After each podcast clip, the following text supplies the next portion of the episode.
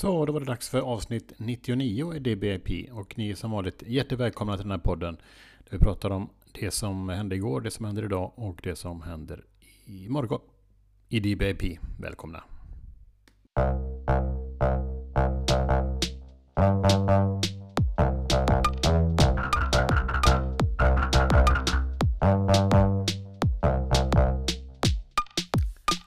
Och i veckan är det jag som har varit ute och kört stand-up comedy och provat nya skämt. Vilket fick eh, var väldigt, väldigt låg skrattratio per skämt. Det var en grej som tyckte men det här är att bygga vidare på. Eh, allt annat föll inte i smaken. Det var ju för, perfekta förutsättningar annars med eh, mycket publik. Jätteroligt allting förutom mina skämt som inte landade så bra. Och ja, det vet man ju aldrig man kan sitta där och fnissa framför datorn. Jag tycker det är kul själv, men det betyder inte att det är roligt när man säger det till någon annan. Det fick jag reda på igår eh, genom tydlig feedback som man får när man står där på scenen med sin mikrofon. Antingen är det skratt eller så är det inte skratt. Och det är det som avgör huruvida någonting är roligt. Men nu går vi vidare tycker jag. Jag har läst en bok och det kommer här om hur den var helt enkelt. Vi struntar i det med böcker och sånt. Jag... Eh, nej. Vad händer annars i livet då? Jo, vad är det som händer? Det är, eh, det är sommar fortfarande, det är fint och det blir höst snart. Och eh, det är full rulle. Vi har ju, ju värdfamilj då för en tjej från Tyskland. Som är här och det är lite trevligt. Ny konstellation, vi har papegoja. Eh, jag har börjat äta gröt till frukost och jag kör vidare med hänga från stänger och köra stand-up comedy. Och hålla på och lösa olika dilemman som dyker upp både på jobbet och utanför jobbet. Och hur går det till då? Har man, är man trött? Ibland känner jag att jag bara kör på. Tills... Eh, jag tänker ibland, orkar jag verkligen det här? Eller intalar jag mig själv att jag orkar? Men samtidigt är det kul. Jag tror inte det kommer någon sån där... Eh, som man rätt som det upptäcker. Oj. Jag tror inte det är något sånt. Utan eh, det är väl roligt. Man kör bara på. Lyssnar på lite musik ibland. Eh, Ariana Grande och eh, Weekend, den här duetten kör jag på ibland när jag vill ha lite tempo. Eller gå ner och köra lite mer kettlebells. Eh, lite marklyft och lite sådana push-ups och pull-ups. Eh, och sen går jag ut igen och bara drar på, cyklar hem igen och så sitter jag och så håller på att försöka skriva lite. Det är väl det som jag tänker göra, det här blandningen mellan aktivt fysiskt arbete och mentalt krävande. Det är väl det som är det vinnande konceptet. Plus att man äter lite gröt. Och idag åkte jag kexchoklad också faktiskt. Tycker jag ska man ska unna sig. Och så vara med om någon sån här omvälvande grejer då. Som eh, drar skämt. Som kanske inte funkar så bra som man själv tror skulle vara roligt. Så upptäcker man då, när man står inför en grupp av 50-tal personer att eh, nej, det var, jag delar inte humorn med just de här personerna. Och eh, så får man justera lite och omvärdera sin, sin humor. Och det, kör man, det gör man ju också då. Och sen har man på sig höstmodet. Det är det vi ska prata om i nästa segment. Ja, så. Då ska vi se. Där. Vad har vi då för höstkläder på oss? Undrar vi. Jo, jag har ju då mina jeans som köpt från Dressman. Som sitter som en smäck. Det är väl någonting med att de lyckas då sy ihop grejerna så det passar för sådana som mig. Och till det har jag då t-shirt, pik, eh, inte pikétröja. Jag har en pikétröja jag köpte på en, en sån herrekiperingsbutik. Sån här härlig gammal herrekipering som bara finns någon enstaka i varje stad.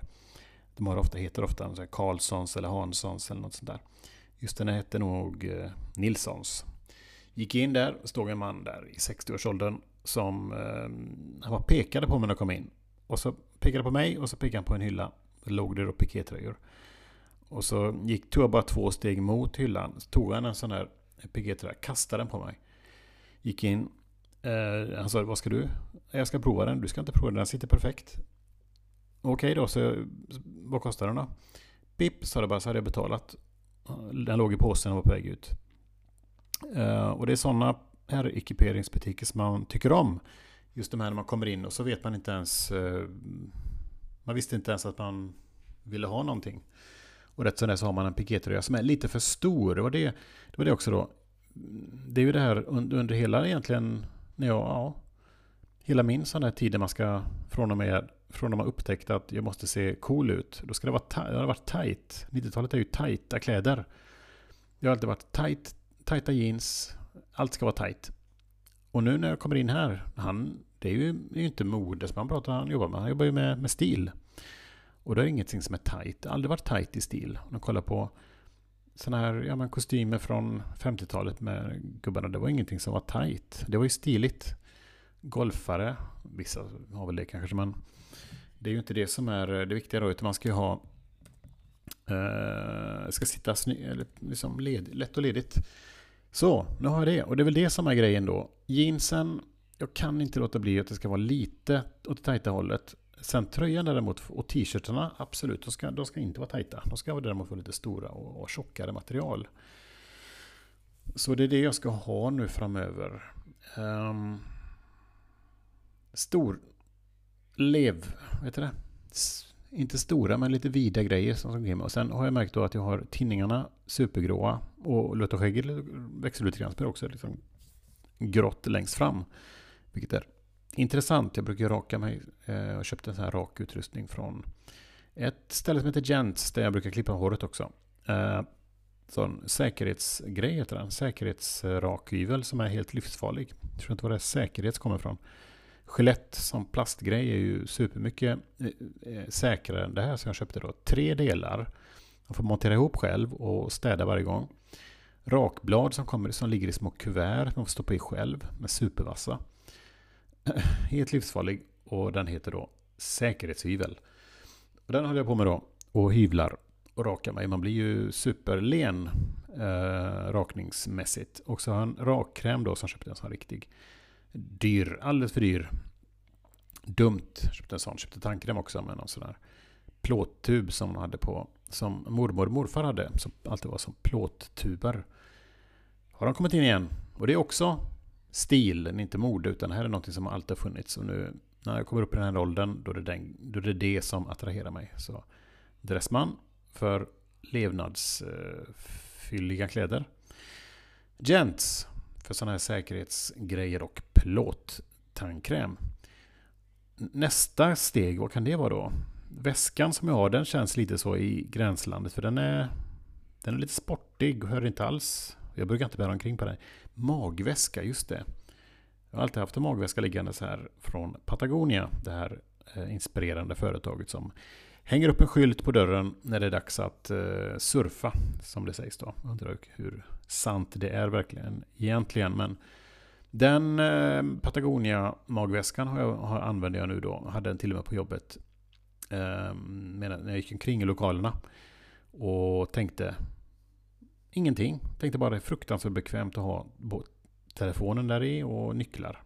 Det är ju perfekt magväska. Helt otroligt alltså.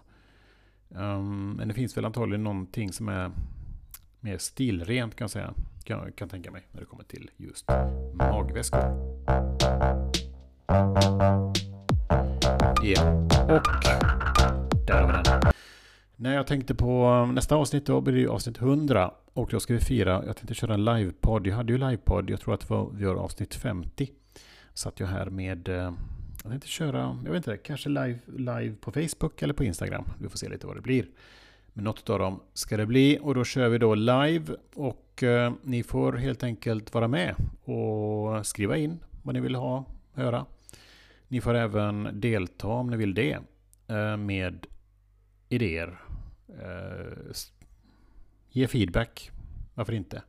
Säg vad ni vill. Det är viktigt att säga vad man vill tycker jag i världen eh, när man har någon åsikt sådär bara det passar i sammanhanget.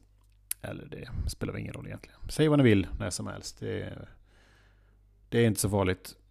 Och eh, nu vill jag att ni ska ta, ta hand om er själva. Idag har vi pratat om mode.